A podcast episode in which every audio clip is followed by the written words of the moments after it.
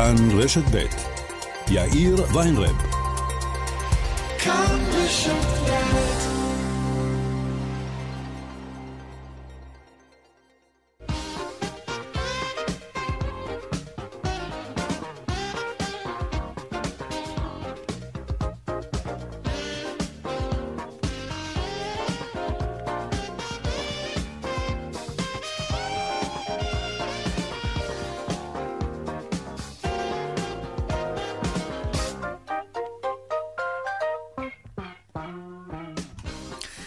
ארבע וכמעט חמש דקות, כאן צבע הכסף ברשת ב', יום ראשון, שלום רב לכם, שבוע טוב, העורך רונן פולק, המפיקה סמדר טל עובד, טכנה השידור שלנו קובי בז'יק, הדועל, כסף, כרוכית, כאן.org.il, אני יאיר ויינרב, מעכשיו עד חמש, אנחנו מיד מתחילים.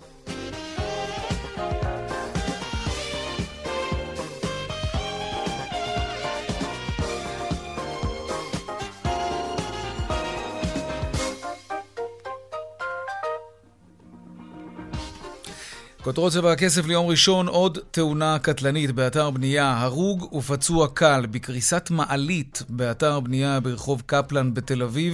שלום איתי שיקמן, כתבנו, העדכון שלך. כן, שלום יאיר, אנחנו נמצאים פה ברחוב קפלן, צמוד לקריה, ממש בניין שנבנה צמוד לשער אה, רבין של הקריה בתל אביב. אה, ואתר הבנייה הזה בניין רב קומות, אה, אם אני יכול להעריך, בין 60 ל-80 קומות. הנפילה כאן מהמעלית החיצונית, מעלית מסע חיצונית, מבערך הקומה 40, שני פועלים נמצאים על המעלית הזאת, אחד מהם צונח אל מותו, כמובן שלא נותר לו אה, שום סיכוי, פועל נוסף מצליח להחזיק מעמד, הוא מצליח לחלץ, את עצמו לאחור, צוות של אה, מגן דוד אדום, מפנה אותו במצב קל לבית החולים אה, איכילוב, הוא צעיר בן 18, עדיין אין לנו פרטים לגבי הפועל שנהרג, אנחנו מדברים על מבנה של קבוצת אשטרום, באמת אה, נראה כמו אה, אתר בנייה של, של כמה בניינים מאוד מפוארים, צמודים לקריה, אזור נדל"ני מאוד מאוד יוקרתי, ותאונה, תאונה מחרידה אפשר לומר באתר הבנייה כן. הזה. אנחנו עד לשעה זו לא מצליחים לתפוס את אשטרום לקבל תגובה, ונאמר בשעה זו רחוב קפלן בתל אביב חסום לתנועה לשני הכיוונים, אחד מצירי התנועה המרכזיים בגוש דן, כמובן עומסים כבדים מומלץ שלא להתקרב לאזור. איתי שיקמן, תודה על העדכון הזה. עוד uh, מקרה קשה מאוד, נקבע מותה של פעוטה כבת שנתיים מכסייפה שנשכחה ברכב סגור במשך יותר משש שעות. אסף פוזיילוב, כתבנו בדרום, שלום, העדכון שלך.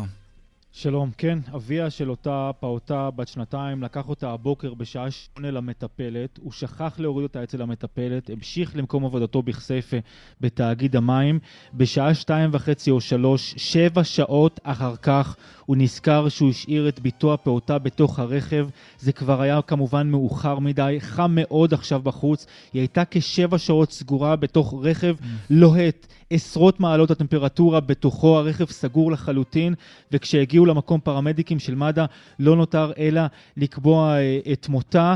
אה, עכשיו מתבררים אה, הפרטים, האב נחקר בידי שוטרים שנמצאים במקום. על פי נתוני ארגון בטרם לבטיחות ילדים, בעשור האחרון נהרגו כך 35 ילדים לא בישראל כשנשכחו ברכב, מחציתם מהמגזר הערבי, שמונה מהם, וזה מספר של... שיעור עצום, שמונה כן. מהם בדואים. אסף פוזיילוב, תודה. תודה.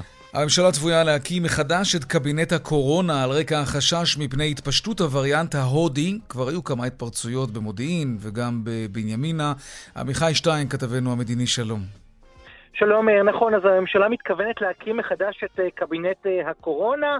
זו יוזמה שהעלה השר בני גנץ במהלך פגישת ראשי הקואליציה לפני ישיבת הממשלה.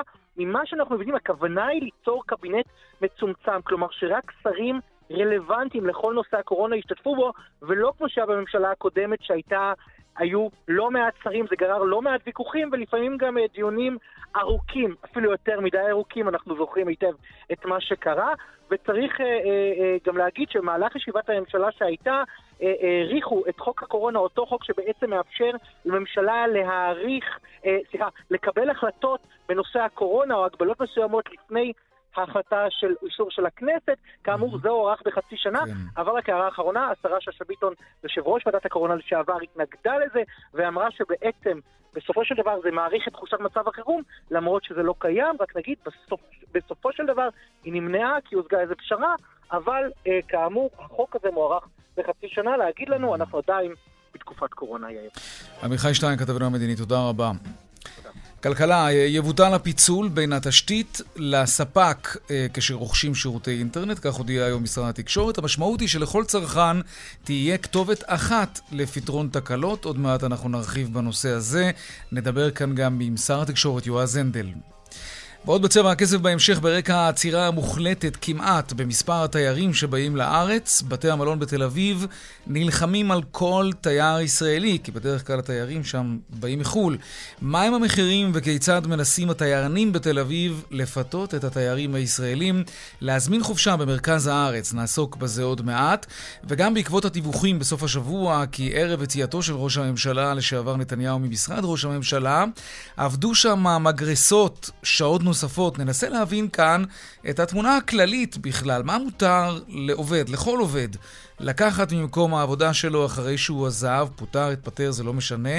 מה נחשב ציוד אישי, מה עליו להשאיר בתוך המשרד, כמובן. והדיווח משוקי הכספים כרגיל לקראת סוף השעה, אלה הכותרות, כאן צבע הכסף. אנחנו מיד ממשיכים.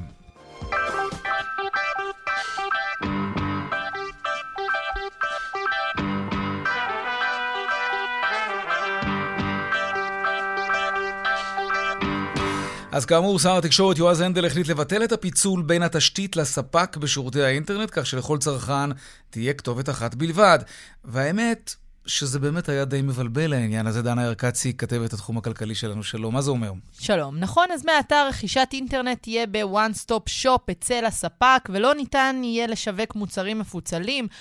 הרפורמה תביא לכך שלכל צרכן תהיה כתובת אחת לרכישת שירותי אינטרנט ולפתרון תקלות. על פי הרפורמה, החברות בעלת uh, התשתית יציגו למשרד התקשורת הסכם עם חברות הספק, שיכללו מדדי תוצאה ומנגנוני פיצוי מוגדרים ומוסכמים מראש, כך שבמקרה שאם ללקוח יש תקלה טכנית בתשתית או בספק, ההתנהלות תהיה אך ורק מול הספק, והספק ייאלץ להתחשבן מול חברת התשתית במסגרת אותו הסכם אה, פיצויים. לקוחות קיימים שיבקשו להמשיך לצרוך את שירותי האינטרנט באופן מפוצל, יורשו לעשות את זה. לקוחות חדשים יצטרפו לשירות האחוד בלבד. מטרת הרפורמה היא לצמצם את תופעת המנויים הרדומים, אנשים שלמשל עברו חברה, אבל שכחו לבטל את תשלומי וממשיכים התשתית, לשלם. וממשיכים uh, אה, לשלם. זו תופעה שגרמה, לפי הערכות uh, משרד התקשורת, לכ-50 מיליון תשלומים עוד, עודפים על הצרכנים בישראל בשנה על מוצר... 50 מיליון שקל? כן, כן בשנה אנשים משלמים. שלא השתמשו בו. Mm. הרפורמה הזאת צפויה להיכנס לתוקף בתחילת שנת 2022. עד אז חברות התקשורת יתחילו לשווק מוצר אחד, ובתום uh, שנה מיישום הרפורמה, במשרד התקשורת יבדקו אם המגמות בשוק uh, ואת המעבר של המנויים לשירות האינטרנט האחוד, עד כמה mm-hmm. זה עובד או לא. בהתאם לממצאים הללו, הם יעשו את הבדיקות ויחליטו איך הם משפרים את הרפורמה הזאת. דנה ארקצי, כתבת התחום הכלכלי של... רגע, רק כדי להבין, רגע, אם אני עכשיו מתנתק משירותי האינטרנט שלי, גם מהספק וגם מהתשתית, ובתחילת 2022 אני מחליט להתחבר מחדש, אז אני, אני, אני לא אוכל לבחור ספק לחוד ותשתית לחוד. לא. Mm-hmm. גם היום, אגב, יש uh, במתכונת השוק הסיטונאי אפשרות uh, לגשת לחברת ספק, כמו למשל פרטנר או סלקום, ולקבל את אותו שירות. אבל עדיין השירות הוא מפוצל, המטרה היא פשוט לבטל. את הפיצול הזה, ומתחילת שנת 2022 המטרה היא שלא okay. יהיה אוקיי. יותר שירותים מפוצלים. דנה ארקצי, כתבת התחום הכלכלי שלנו, תודה רבה. שלום יועז הנדל, שר התקשורת. שלום, צהריים טובים. שמענו על השינוי, ביטול ההפרדה בין התשתית לספק, אה, וזה יקל, ללא ספק, על הצרכנים את החיים, כי, כי תהיה להם כתובת אחת. אבל מצד שני, אני מנסה ככה לחשוב על התמונה הכללית, זה אומר שיש פחות שחקנים ופחות אפשרויות להרכיב חבילה כלבבי. האם זה לא פוגע בתחרות בסופו של דבר? כי נהנינו ממחירים מוזלים מאוד. תראה, אה, קודם כל אנחנו שומרים על השוק החופשי. אנחנו הרפורמה הזאת מייצרת מנגנונים שמבטיחים שגם שחקנים קטנים וחדשים יכולים לפעול uh, בצורה מאוד אפקטיבית uh, מול בעלי התשתית uh, במסגרת השוק הסיטונאי. Mm-hmm. אבל יותר חשוב מזה הוא שמה שאתה מתאר הוא למתי מעט. מעט מאוד ישראלים מתחילים לעשות את החיבור בין תשתית לספק. רובם מסתבכים עם האירוע הזה שנקרא אינטרנט, והם מתקשרים, מבקשים שירות, מבקשים אינטרנט, ומתחילים להפנות אותם מחברה לחברה, וקל וחומר כשיש תקלה, ואז מתחילים להגיד לך, תשמע, תתקשר לספק, תתקשר לתשתית, זה לא אצלנו, זה אצלם. והכי גרוע הוא שאנחנו גילינו שיש אה, כ-50 מיליון שקל שהלכו, mm. יצאו מהאזרחים הישראלים לחברות על מנויים כפולים. אגב, גיליתי את זה על בשרי לפני כשנה, לפני שנכנסתי למשרד תקשורת. כן, מה גילית? בפעם הראשונה, שאני מנוי על שלוש חברות במקביל. חשבתי כל פעם שעברתי לחברה אחרת. כמה שילמת? כמה בזבזת? כמה כסף זרקת, אדוני השר? פשוט שילמתי לשלוש חברות במקביל, ואז ניסיתי להבין, אתה יודע, אם אני, שזה כן. פשוט מקוצר זמן, אז תחשוב מה קורה לקשישים ולהרבה מאוד אנשים ברחבי מדינת ישראל, וגילינו שזה ממש עשרות מיליונים. אוקיי. ולכן החלטנו שכמו כל מדינה, ואז יצאתי לשימוע כבר uh, באוקטובר שעבר, כן. כמו כל מדינה, הגיע הזמן שאנשים יתקשרו, כן. כן. וכשהם מבקשים אינטרנט, יקבלו אינטרנט, וכשיש תקלה באינטרנט, זה תקלה באינטרנט. לא מתחילים לסבך אותם שוק סיטונאי, שוק קמעונאי, תשתית, ספק, זה לא okay. אוקיי. באמת מה שאמור להעסיק אותם. טוב, נראה שזה באמת ייעל ויפשט. תגיד, איך היה בישיבת הממשלה הראשונה היום תחת הנהגתו של אה, נפתלי בנט? האמת היא, ישיבה מצוינת. קודם כל, התחילה בזמן, מה שאני חושב שלא קרה ב-12 שנים האחרונות. Mm-hmm. הסתיימה בזמן, ישיבה, ישיבה עניינית, אה, דיונים רציניים, החלטות עברו. תקנון ממשלה, אתה לא תאמין, עבר תקנון ממשלה בישיבה הראשונה כפי שראוי. ועדת חקירה לאסון מירון, כפי שראוי היה לעשות אה, מזמן, באירוע כל כך... אז הנה, זה קרה היום, כן. משמעותי. היה לך מוזר, את האמת, לא לראות את אה, בנימין נתניהו יושב שם? קודם כל, שמחתי לראות את האנשים שיושבים שם. שמחתי שקמה ממשלת אחדות שמבטאת כל כך הרבה קולות בעם. אני באמת מאמין באחדות כאידיאל. לא רק כצורך פוליטי. כן. ושמחתי לראות שיש רצון טוב להרבה מאוד אנשים. תשמע, יש לנו מלא אתגרים. כל יום יהיה לנו אתגר חדש, ובלי קשר לזה שאנחנו במזרח התיכון, מדינת ישראל, והאתגרים פה לעולם לא נגמרים. אבל uh, שמחתי לראות את נפתלי בנט מנהל את זה, את ראש הממשלה נפתלי בנט מנהל את זה ביד רמה ובצורה רצינית ומקצועית. אוקיי. ואתה יודע... ובזמן. ובזמן, כן. ובצורה עניינית, והשמש זורחת בבוקר ושוקעת בערב, ומדינת ישראל, הנס הגדול הזה שנקרא מדינת ישראל, קיים, ואני מציע לכולם לצאת קצת מהחמוציות, מרמור, ולעשות, אה, טוב. להסתכל על עוד מעט, אה, עוד מעט נחזור, נרחיב קצת על העניינים הפוליטיים, אבל בואו נדבר קצת כלכלה. מעבר לעניין של האינטרנט ולפיצול של התשתית והספק, שמע, אדוני השר, יש לנו בעיה די רצינית בארץ עם האינטרנט. אני למשל עשיתי אה, אה, מנוי לדור חמישי לפני כמה חודשים. אני בקושי מגיע לאזורים שיש בהם דור חמישי, ואני לא היחיד שאומר את זה, אני בטוח שאולי גם אתה חווה את זה. ולא מעט מקומות עם דור שלישי בכלל, שזה לגמרי לא זז הדבר הזה. מתי נעלה על, ה, על, על הפסים הנורמליים ויהיה כאן אינטרנט כן. נורמלי בבית? וזה לא רק בסלולר, זה גם האינטרנט הביתי, לא משהו בכלל. אז בוא, אתה צודק לגמרי, אז בואו נעשה סדר. לפני כשנה שנכנסתי בפעם הראשונה, מדינת ישראל הייתה ממוקמת במקום הקרוב למאה. מהסוף. אה, מבחינת הטלפונים הניידים, המחירים פה נמוכים, אבל התשתיות על הפנים. זה בתחום הטלפונים הניידים, ואני חושב שמי שגר מחוץ לאזור המרכז מרגיש שיש לו בעיה של כיסוי וקליטה, ולא רק זה, אלא שגם, אתה יודע, זה כמו איזה כביש מהיר שאתה, או כביש איטי, שאתה מעמיס עליו הרבה מאוד מכוניות משוכללות, אבל הן לא צריכות לנוע כי יש פקק. בתחום של הסיבים האופטיים, של האינטרנט הביתי, בעצם הנייח, היינו בפיגור של עשור. מה שקרה מאז שהעברתי את הרפורמה, יום ממש לפני שהממשלה אה, התפרקה, הקודמת, זו הייתה הרפורמה היחידה שעברה אז בממשלה, מה שקרה מאז, שהתחיל תהליך של, בעצם של החברות, של uh, התכוננות לפריסה ופריסה. והיום אנחנו נמצאים במקום אחר לגמרי, ואותי כשר תקשורת זה מאוד משמח שגם העברתי רפורמה, וגם אני בעצם רואה וחוזה ו... חלק מה זה רואה וחוזה? מה עומק הפריסה של הסיבים האופטיים? כי שמענו שביישובים הערביים לא עושים, וביישובים החרדים לא פורסים. אגב, כן. אלה שתי אוכלוסיות שהן המנוע של הצמיחה. בדיוק עכשיו, אחרי קורונה, ובכלל, שהתחלפה הממשלה, כולם אומרים, צריך להשקיע שם כדי שהם ישתלבו בכלכלה. אם לא יהיו סיבים אופטיים אצל הערבים והחרדים, זה, זה לא יתרומם. אז קודם כל המשימה, אה, ואני חושב שמשרד ממשלתי צריך לעבוד כמו חברת הייטק גדולה מאוד, צריך לשים יעדים ומדדים, אז המשימה שלנו שבכל מקום במדינת ישראל תהיה גם נגישות וגם תחרות. זה אומר שיהיו יותר משתי חברות וגם שזה יהיה במחירים נוחים. ב', מבחינת הנתונים, מאז שעברה רפורמת הסיבים אנחנו נמצאים על 40 ממשקי הבית בישראל שנפרסים, ואני שמתי כיעד עד סוף השנה הזאת שרוב המשקי הבית במדינת ישראל יהיו מחוברים לסיב אופטי. עד סוף השנה עכשיו, רוב משקי עד, הבית. עד סוף השנה רוב משקי הבית. אגב, המשרד יש לו הערכה שמרנית יותר של 45%, אבל בכל מקרה, כבר השבוע אישרתי את שינוי, סליחה, שבוע שעבר, אה, איך שנכנסתי למשרד, אישרתי את שינוי הרישיון של בזק, והם הודיעו על 80% מהשטח שהם, אה, ממדינת ישראל שהם הולכים לפרוס, הם יכול להיות יעלו ל-90%, אה, ומה שיוותר בעצם ייפרס על ידי הקרן הממשלתית שמתחילה לפעול מעכשיו. קרן ממשלתית בעצם שאנחנו מבצעים מכרזים. במקביל לזה, הוט וסלקום ו-IBC מחויבות ל-1.7 מיליון משקי בית, פרטנר פורסים, וגם עשינו רפורמה בפעם שעברה שעובדת עכשיו מאוד יפה, וזה שאפשרנו לחברות קטנות להיכנס לתחרות הזאת, וחברות קטנות פורסות במקומות שונים okay. אוקיי. ברחבי הארץ, בעיקר ביישובים קהילתיים, במגזר הכפרי ובמגזר הערבי. זה התשתית. ואתה צודק.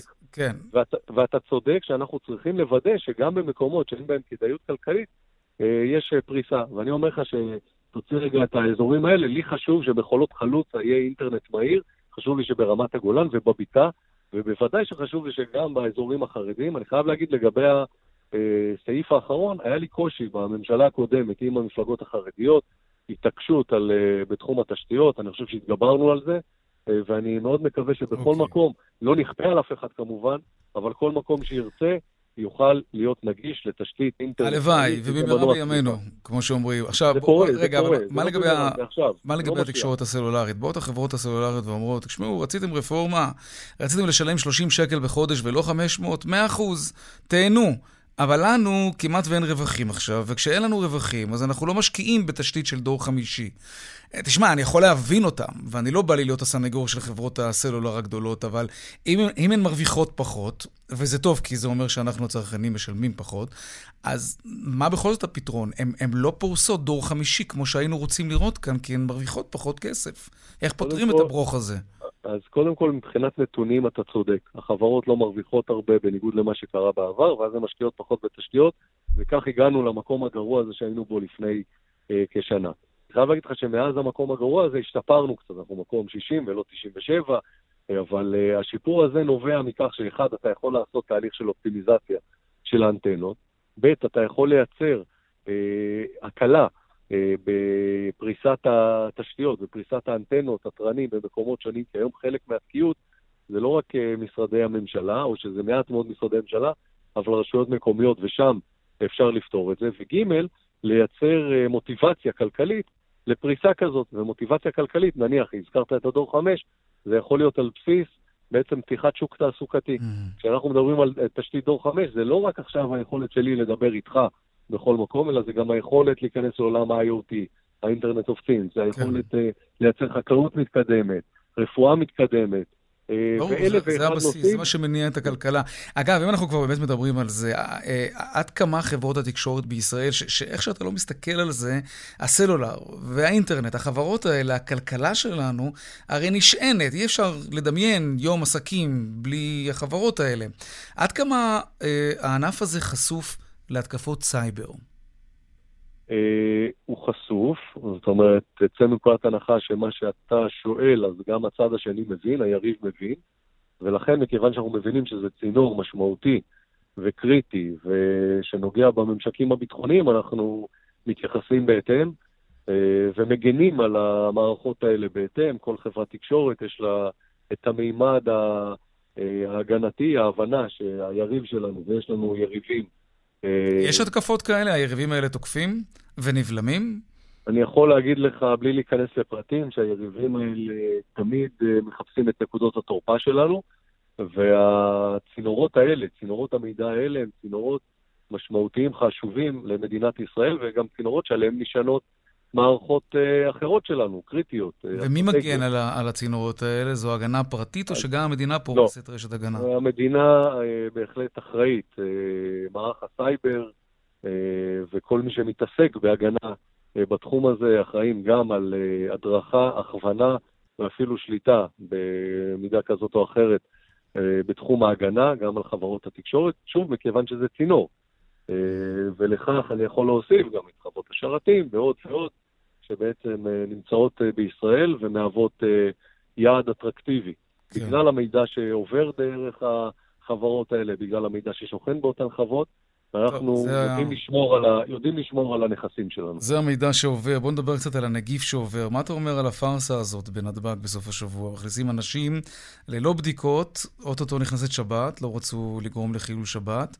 ממשלה חדשה, אבל אותן, אתה יודע, אותן טעויות של הממשלה הקודמת. אז אני לא מתכוון פה להסיר אחריות, זאת תקלה שאנחנו צריכים לטפל בה. לראות אה, חד, חד וחלק, לראות שזה לא קורה.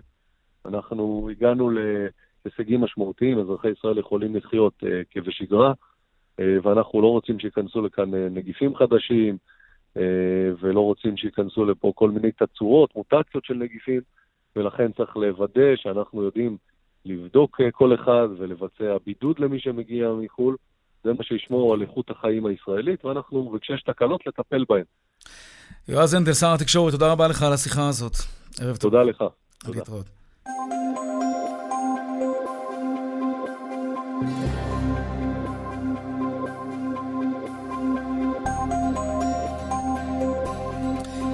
דיווחי תנועה עכשיו באיילון לכיוון צפון, יש עומס תנועה ממחלף חולון וקיבוץ גלויות עד מחלף קק"ל. דרומה יש עומס מרוקח עד לגוארדיה.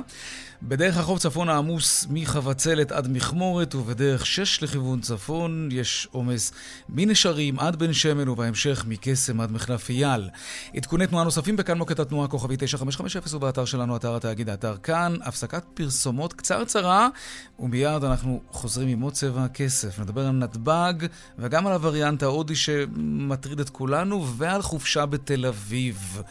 בעלי המלונות עושים שם הנחות. ננסה לברר עד כמה זה באמת כדאי. 28 דקות אחרי השעה 4, עוד יום די עמוס בטיסות בנמל התעופה בן גוריון, וגם עמוס בחששות לנוכח מה שקרה בסוף השבוע. כמעט 3,000 נוסעים נכנסו לארץ ללא בדיקה בגלל קריסת מערך בדיקות הקורונה בנתב"ג. שרון עידן, כתבנו לענייני תעופה ותיירות, שלום. שלום, שלום יאיר. איך זה נראה כן. היום? תשמע, היום uh, קצת יותר נורמלי ממה שראינו ביום שישי. אגב, ביום שישי היו פחות אנשים, אבל מה שקרה זה שמשהו כמו 7-8 טיס, אה, טיסות נחתו באמת אחת אחרי השנייה. דבר אגב שצריך היה לצפות אותו, שום טיסה כידוע לך לא התגנבה ללוח הטיסות, mm. ולמעשה היה ברור שאם לא ישחררו משם את הפקק הזה, אנשים שתכננו לנחות הרבה לפני כניסת השבת פשוט לא יצליחו, ולכן השתחררו אותם מספרים, אנחנו מדברים על 2,850 איש, זה מספרים באמת באמת גבוהים ביום שישי. היום זה עוד לא קורה, כלומר לא שחררו, אבל אני כן יכול לומר לך, אה, הייתי היום אה, בנמל התעופה בן גוריון, שאנשים מדברים על תורים בחלק מהשעות של שעה וחצי, שעתיים, רק לבדיקות הקורונה. היה אה, פיק אחד כזה היום בצהריים, סביב 12, יש עוד אחד עכשיו ממש בשעות האלה, 4 וחצי, 5. וצריך לזכור שברקע יאיר מדברים על כך שייתכן שגם לא יהיה מנוס בסופו של דבר מהחזרתן של המלוניות או הצמידים האלקטרוניים בחלק מהמקרים, כדי לפקח גם על הבידוד, כדי לראות שאנשים שמגיעים ממדינות מסוימות אדומות אה, אה, נמצאים באמת בבידוד, אנחנו רואים מה קורה עם הווריאנטים ועם הקורונה ביותר מדי מקומות, הדבר הזה עוד לא קורה, אבל שוב, כמו שאני אומר גם לך בימים האחרונים, כל מי שמתכנן לנסוע לחו"ל, מעבר לעניין הבדיקות, צריך לגלם גם את הדבר הזה כחלק, אני חושב, ממכלול או מערך ההחלטות אה, האם לצאת מהארץ או לא. דברים שוב משתנים במהירות, כמו שראינו לפני שלושה-ארבעה חודשים בימי mm-hmm. הקורונה, ואז אה, באמת ראינו אנשים שהולכים לבידודים, למלוניות, כשהם לא ידעו שזה מה שהולך לקרות כשהם חוזרים. ברור. שרון עידן, כתבנו לענייני תעופה ותיירות, תודה רבה על העדכון הזה בנמל התעופה בן גוריון. תודה, שרון. שלום אה, יהודה זעפרני, מומחה תיירות ותעופה ומנהל תחום התיירות של אה, מועדון הצרכנות. שלום לך. שלום וברכה. תגיד. לכן שרון אמר דברי טעם. תמיד הוא אומר דברי טעם. מה קורה עם נכון. ההזמנות לחו"ל, תגיד? כבר קיץ, מספרית, יש התאוששות?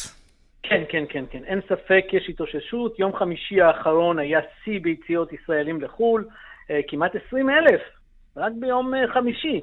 אבל אני אספר לך גם על תופעה מאוד מאוד מעניינת. יום חמישי היה כמעט 20 אלף, זאת 18, יום שישי 10,000, ויום שבת זה ירד ל-5,000. ואז mm. אתה שואל את עצמך, מה קרה פה? מה קרה פה? ואז אתה מבין שגם אל על וגם ישראל כבר לא טסות בשבת. אה, אה אוקיי. זה בעצם הירידה. זה עניין אחר. באמת היום, היום, כולם, היום כולם דיברו על זה, איך יכול להיות? חמישי שיא, שישי ושבת ירידה כזאת, אז זהו. Mm-hmm. אל על וישראל מהווים נתח חשוב ביציאות של הישראלים, ויום שבת, אה, כמו שאתה יודע, רמי לוי רכש את ישראל, mm-hmm. ושבת לא טסים, וזו התוצאה. אבל, שוב פעם, אנחנו עדים לעלייה גבוהה מאוד, גם היום וגם במהלך כל הקיץ. בהזמנות לחו"ל. זה נשמע נהדר, אבל, אבל כן. אני לא יודע, קצת, קצת מוזר לי, מה, אנשים לא חוששים מאותו וריאנט אה, הודי שכבר הגיע ארצה, לא מבטלים חופשות בגלל הדבר הזה. אנחנו אחרי שנה וחצי קשה מאוד בעקבות uh, מגפת קורונה, אתה יודע, זה, מטבע לא, הדברים זה כן מעורר אני, אני אגיד לך שאנחנו באיזשהו סוג של אופוריה. יכול להיות, יכול להיות, אבל זו אופוריה טובה, כי בסך הכל החיסונים הוציאו אותנו ראשונים אה, מהקורונה. וזה לא, ש... לא שחזרנו לקורונה, כן? אנחנו, אה, בוא נקווה, אמן כן יהיה רצון הלוואי, לא כן, לא אבל אתה רואה פתאום התפרצות בשני יישובים, גם במודיעין. אבל אנחנו רואים איזושהי התפרצות קלה מאוד, וזה mm-hmm. כמובן לא סיבה לעצור, בוודאי שלא. כי זה באמת, אנחנו מדברים פה על מספרים שוליים ביותר. סיבה או לא סיבה, סיבה, אבל אתה יודע, יש את חוכמת ההמונים, אנשים לפעמים לא מתנהגים, נגיד שאין סיבה לחשוש באמת, הלוואי. אבל אנחנו לא תמיד יצורים רציונליים. אין, אין, אין ביטולים בגלל ההתפרצויות לא, האלה? לא, לא, חשבנו, בדקנו מהבוקר, גם אצלנו כן. במועדון הצרכנות, שנמצא עם כ-290 אלף אה, עמיתים, שהם באמת יכולים לתת לנו אינדיקציה. באמת אין כמעט ביטולים, ההפך, יש הזמנות. אה, בעיקר, בעיקר לאיי יוון, כמובן ליעדים הרחוקים יותר לארה"ב, אנחנו רואים את פוקט, אנחנו רואים את גיאורגיה, כלומר יעדים שבאמת יש אישור לטוס, אנשים mm, טסים, רוצים, להוציא, יותר... רוצים להוציא את הילדים גם. אה, זהו, זה ו... מה שרציתי לשאול. זה, זה, זה משפחות או יותר זוגות דווקא? משפחות כי הילדים זאת בעיה. כלומר, אנחנו רואים, אנחנו רואים את, אה, את ההזמנות גם וגם, תראה, בעיה תלוי. פוקט, הייתה בעיה עם הנושא של הילדים, פתרו אותה, נתנו אישור להכניס ילדים. Mm-hmm. כך שמהבחינה הזאת אנחנו עדים לתופעה אה, טובה, התיירות מתחילה לחזור לחיים, וזה טוב כמובן אה, לא רק ל- ל- ליעדי החו"ל, בוודאי שאנחנו מדברים על תיירות הפנים, אז היא באמת בשיא. באמת בשיא, אנחנו עדים למי שלא הזמין את יולי-אוגוסט, אז קשה מאוד היום למצוא מקומות כן. במלונות בישראל, וכמובן המחירים בהתאם. אם אתה זוכר אצלך בתוכנית לפני כמה חודשים, mm-hmm. אמרנו, טוסו להזמין, היום זה יעלה ב-50 אחוז. וזה אכן עלה. טוב, עוד מעט אנחנו נדבר על המלונות בתל אביב, שם זה סיפור אחר. הם, הם ממש מורידים מחירים כדי שאנשים יבואו, כי, כי בתל אביב התיירים הישראלים לא, ממלא, לא ממלאים. התיירים הישראלים לא ממלאים, אבל אין ספק שגם הקיץ הזה, גם המלונות בתל אביב, אני, אנחנו עדים למסע יחסי ציבור וקמפיינים של התאחדות סוכני הנסיעות, של אה, מלונות בישראל, בתל כן. אביב וכולי, הם יהיו מלאים. אין לי ספק שהקיץ הזה, כן. כל המלונות בישראל, כל, כל מלון שיפתח והוא פתוח, הוא יתמלא. תכף נדבר עם עודד גרופמן על העניין הזה. יהודה זעפרני, מומחה תיירות ותעופה, ומנהל תחום התיירות במועדון הצרכנות. תודה רבה. תודה לכם, בשמחה רבה. עכשיו ננסה להבין אם יש לנו בכלל ממה לפחד. אה, נרחיב בעניין ההתפרצויות של הקורונה במודיעין, בנימינה. אה, זה הווריאנט ההודי. שלום דוקטור יסמין מאור, מנהלת היחידה למחלות זיהומיות בבית החולים וולפסון, שלום. שלום, צהריים טובים. כן. מה את היית עושה אם, אם היית בין מקבלי ההחלטות, למרות השבת, למרות העומס, לא היית משחררת 3,000 איש בלי בדיקות, או שאת חושבת שזו הייתה החלטה בנסיבות שקולה? אני חושבת שהיה עדיף לבדוק את כולם, ושהעומס היה צפוי, ושהיה צריך להיערך לזה, היה הרבה זמן להיערך. אבל בהינתן ולא נערכו, לשחרר ככה 3,000 אני... איש, זה, תראה, יש, זה חסר אחריות בעינייך? אי אפשר גם להשאיר 3,000 איש בשדה, בוא, צריך גם להיות, אה, אפשר כן. להגיד כל מיני דברים, אבל צריך להיות ריאליים. אז אני חושבת שכשיש קריסה, אז ההנחיה אה, ללכת לבידוד בית היא, היא סבירה. Mm.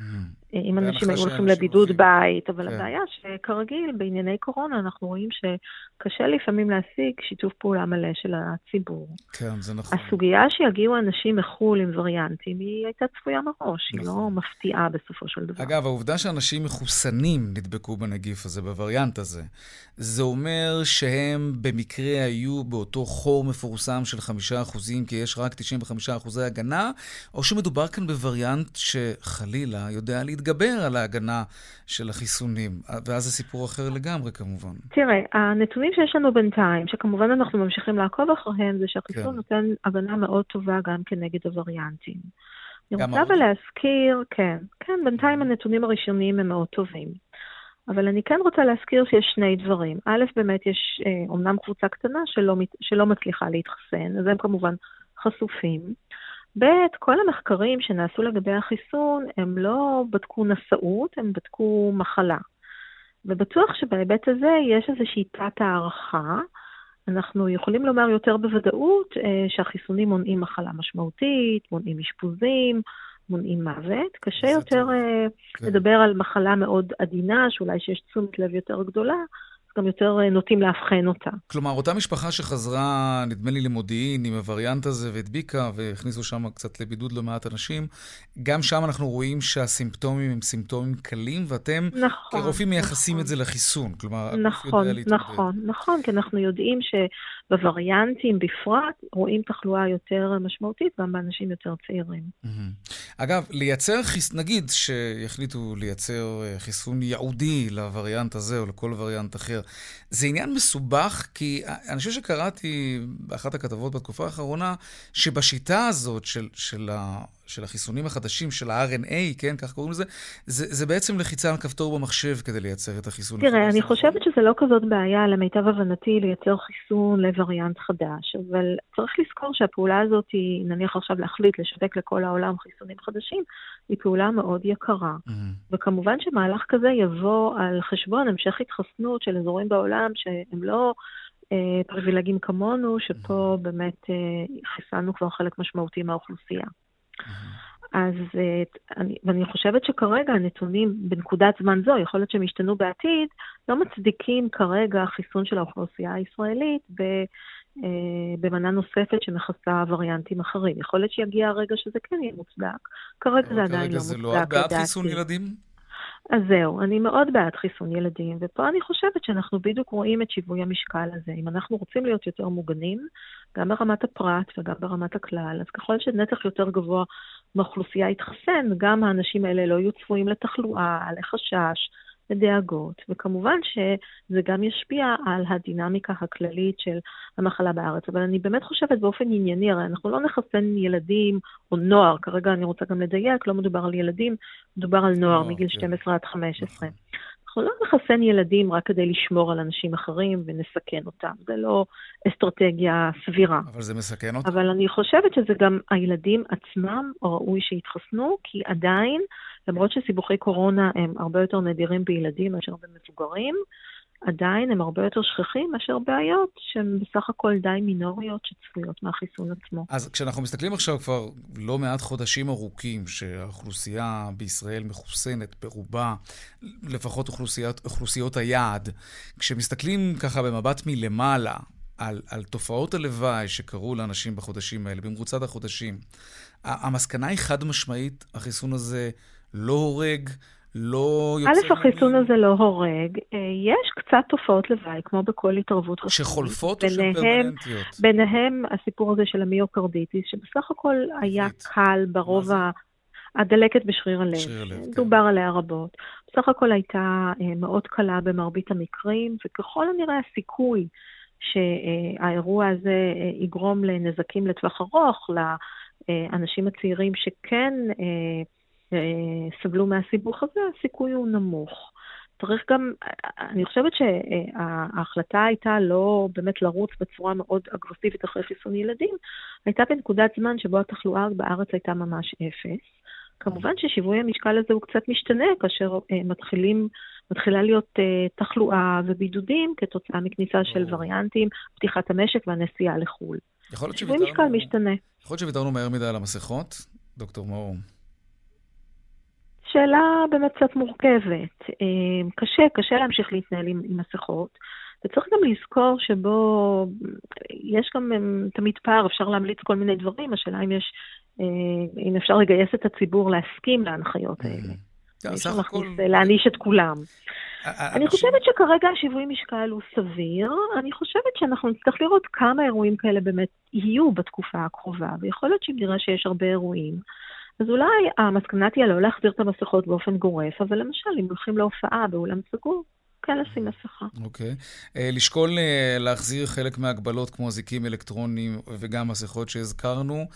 אם אני מבין ממך נכון, זה משהו שצריך להיות כל הזמן בתוך מחסנית הפעולות שהממשלה כן. צריכה להיות כל הזמן נכון. בכוננות להחזיר את זה ומהר. ואני חושבת שפה באמת... אלה הפעולות שמונעות התפשטות רחבה יותר.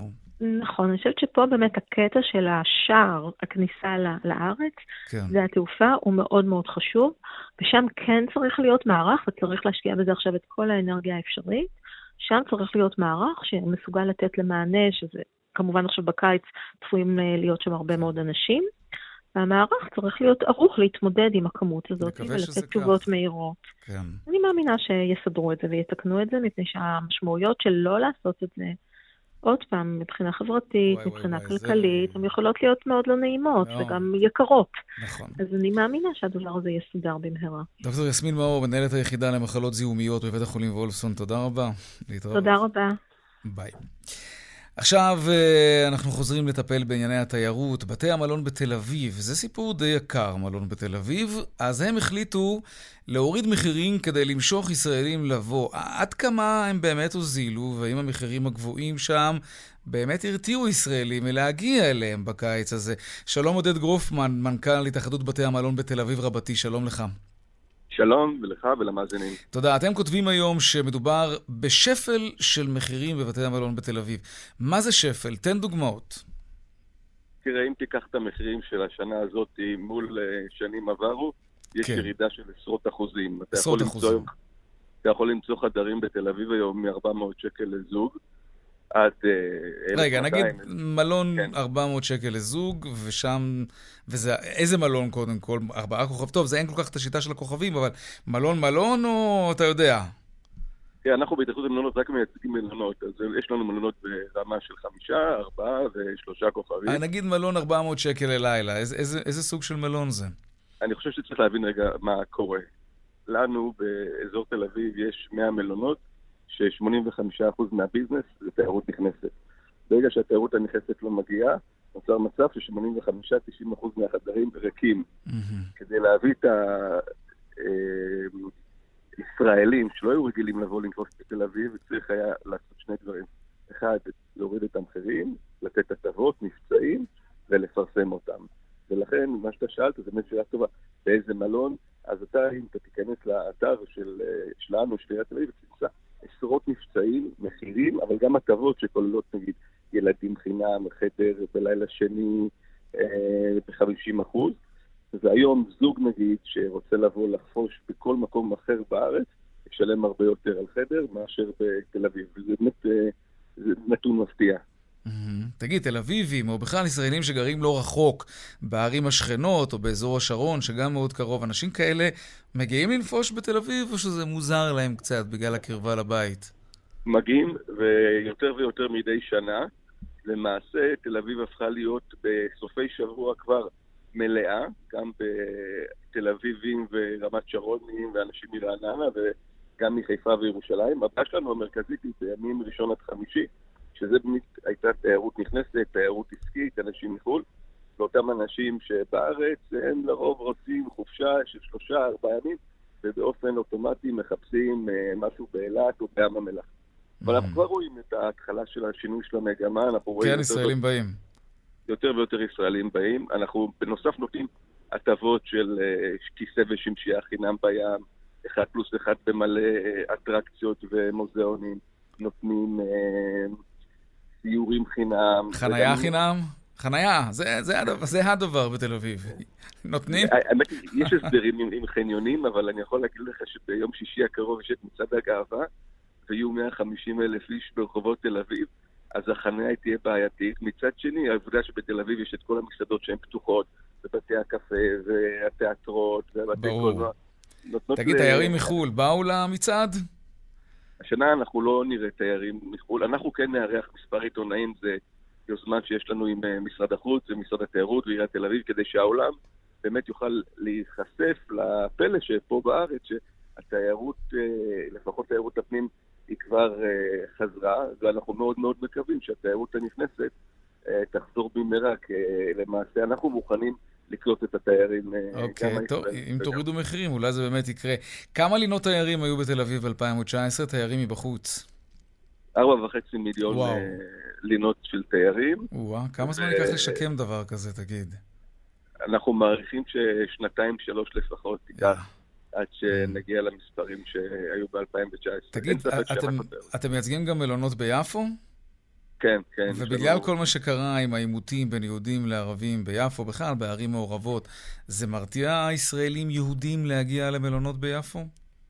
אז בהתחלה מה שראינו באמת זה אה, ביטולים, ביטולים, ביטולים. כן. והיום אנחנו רואים אה, כבר אה, שוב חזרה של ההזמנות. אני חושב שיפו זה דוגמה באמת לעיר שהדו-קיום שם הוא סך הכל מאוד חזק. גם במלונות העובדים זה גם יהודים, גם ערבים, פנים יהודים. וכן, היום אנחנו למעשה חוזרים mm-hmm. לשגרה. שגרה של תיירות רק פנים, אבל ביפו כרגע יש לנו מלונות שבסופי שבוע היו מלאים, סוף שבוע האחרון, ו... הם ערוכים גם בשוק הפשפשים, אתה רואה יותר ויותר תנועה, גם. במסעדות, כן. לאט לאט, רק שלא יבוא איזה וריאנט ויהרוס לנו הכל. עודד גרופמן, אה, מנכ"ל התאחדות בתי המלון בתל אביב רבתי, תודה רבה לך על השיחה הזאת. תודה. בהצלחה. דיווחי תנועה עכשיו. נגיע דרומה יש עומס ממורשה עד גבעת שמואל וצפונה ממחלף השבעה עד גבעת שמואל. בדרך אשדוד-אשקלון עמוס ממחלף אשדוד עד גן יבנה ודרך תל אביב-אשדוד עמוסה ממחלף השבעה עד מחלף ראשון לציון. עדכוני תנועה נוספים בכאן, מוקד התנועה הכוכבי 9550 ובאתר שלנו, אתר התאגיד, אתר כאן. הפסקת פרסומות קצרה ומיד אנחנו חוזרים. לדבר על עוד צבע הכסף, לדבר על גריסת המסמכים בלשכת ראש הממשלה. כשאנחנו עוזבים את מקום העבודה שלנו, התפטרנו, פיטרו אותנו, לא משנה. מה מותר, מה אסור לקחת? נדבר על זה עוד מעט. תשע דקות לפני השעה חמש, חשיפת עיתון הארץ על הגריסה המהירה והאינטנסיבית של מסמכים בלשכת ראש הממשלה, נתניהו, רגע לפני שהוא פינה את הלשכה לבנט, אה, זה מעלה שאלה רחבה יותר. עובד שעוזב את מקום העבודה שלו, פוטר או התפטר, אה, מה אסור לו בשום אופן לקחת? מה דווקא כן מותר? שלום עורכת הדין נעמה שבתאי בכר, מתמחה בייצוג מעסיקים, ראשת מחלקת דיני עבודה במשרד בכר שבתאי, שלום לך. שלום. טוב, במסגרת הזמן הקצרה שיש לנו, ננסה לגעת בכמה נקודות. אוקיי, תראי, אני חשבתי על זה, אה, זה נראה לי די ברור, חומרי עבודה חייבים להישאר, דברים אישיים הולכים איתך הביתה, לא? או שיש שטח אפור? זה כל כך ברור עד כדי כך שהיום התקשר אליי מעסיק וסיפר לי שהעובד גרס את כל המסמכים שהיו לו בטריי, מחק את כל הודעות הוואטסאפים לקוחות בטלפון של העבודה, והחזיר לו שולחן ריק, משרד מסודר, רק עם הציוד המשרדי, עפרונות, עטים, מחשב ומקלדת. אוקיי, עובד שעושה דבר כזה זה בזדון כמובן. בדיוק, זה עובד שכנראה היה, או שהיה לו מה להחביא, כי כבר עכשיו יש חשדות... או שהוא רצה לנקום. פעל, או שהוא רצה לנקום ולא אהב את ה... מה קובע החוק לגבי מקרים כאלה? אגב, עובד שעושה את זה מסתכן בעבירה פלילית? אז תראה, אין חוק שמסדיר את הדבר הזה בצורה מפורשת במדינת ישראל, אבל יש חוקים אחרים שמהם אפשר לגבש כל מיני מסקנות. כמו למשל שכל התוצרים שייכים למעסיק, כמו למשל שכל המידע המסחרי שייך למעסיק, וכמו למשל חובת תום הלב שחלה על עובדים ומעסיקים כאחד, והיא מלמעלה מרחפת Okay. אוקיי. אה, ומחייבת אז, אותנו אז לכללי התנהגות. בוא נדבר על, על עובדים נורמטיביים. עובד מפוטר, ו, ומיד חוסמים לו את המייל הארגוני, אבל המסכן, יש לו כמה מיילים אישיים שם. את יודעת מה, אפילו ברמת מועדון לקוחות, לא יודע מה. הוא יכול לדרוש להיכנס למייל הזה כדי להסדיר את ענייניו האישיים במייל הארגוני? אז בהרבה מקומות עבודה זה קיים, אה, אה, יושבים עם איש מחשוב, מוציאים את כל המידע הפרטי, מורידים לכונן, mm-hmm. כזה או אחר. אבל השאלה אם אני יכול לדרוש את זה. כלומר, האם המידע כן, כן. האישי שלי הוא אישי שלי, למרות שזה באכסניה של המייל הארגוני. אפשר לדרוש עוד, את זה. כל עוד המעסיק לא הגביל אותי משימוש אישי Mm-hmm. ואני לא מתכוון לפגוע לי. בתוצרים של המעסיק, זה מותר, כן. אוקיי, okay, עבדתי על פרויקט מדהים, לא עדכנתי את הבוס שלי. זה, זה אצלי באיזושהי תיקויה, תיקייה, אני, אני גדלתי ראש, התכוונתי להראות לבוס שלי באיזשהו שלב, אבל... Uh, ועכשיו פתאום פוטרתי. אני, אני, אני יכול לקחת את זה איתי? או שאני לא, מחויב להשאיר את לא. זה? לא, אז פה יש חוק מפורש שקובע שזכויות היוצרים על כל תוצר של עובד במסגרת עבודתו שייך למעסיק. זוהי ברירת המחדל. התוצרים שייכים למעסיק. גם אם עבדתי על זה בבית, עם המחשב של העבודה, חלק מהמחשב בבית, כזה מעורבב כזה, את יודעת. אם זה משהו שבוצע לטובת העבודה, במהלך העבודה, זה שייך למעסיק. חד וחלק. דווקא זה מוסדר בחוק בצורה ברורה. Mm-hmm. אני אומרת. אוקיי. שוב, זו ברירת המחדל, אלא אם סוכם אחרת. טוב, האמת שהיו לי עוד כמה שאלות, אבל תם זמננו לצערי. אולי נרחיב על זה בהזדמנות אחרת. עורכת הדין אה, נעמה שבתאי בכר, תודה רבה. תודה רבה. להתראות. עכשיו לדיווח משוקי הכספים.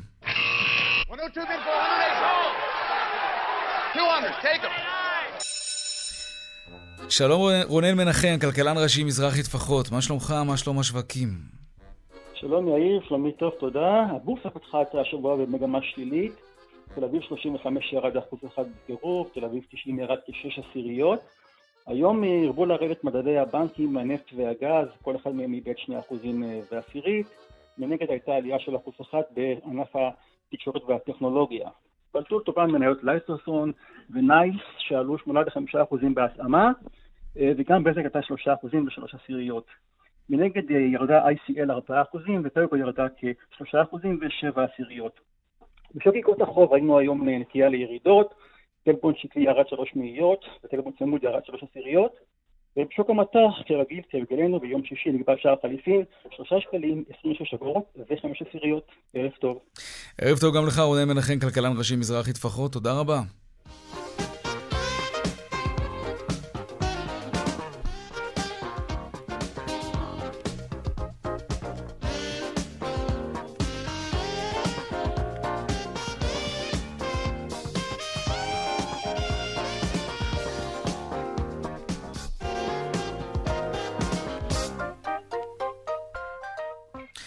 עד כאן צבע הכסף ליום ראשון, העורך רונן פולק, המפיקה סמדר טל עובד, השידור שלנו קובי בז'יק, במוקד התנועה אהוד כהן.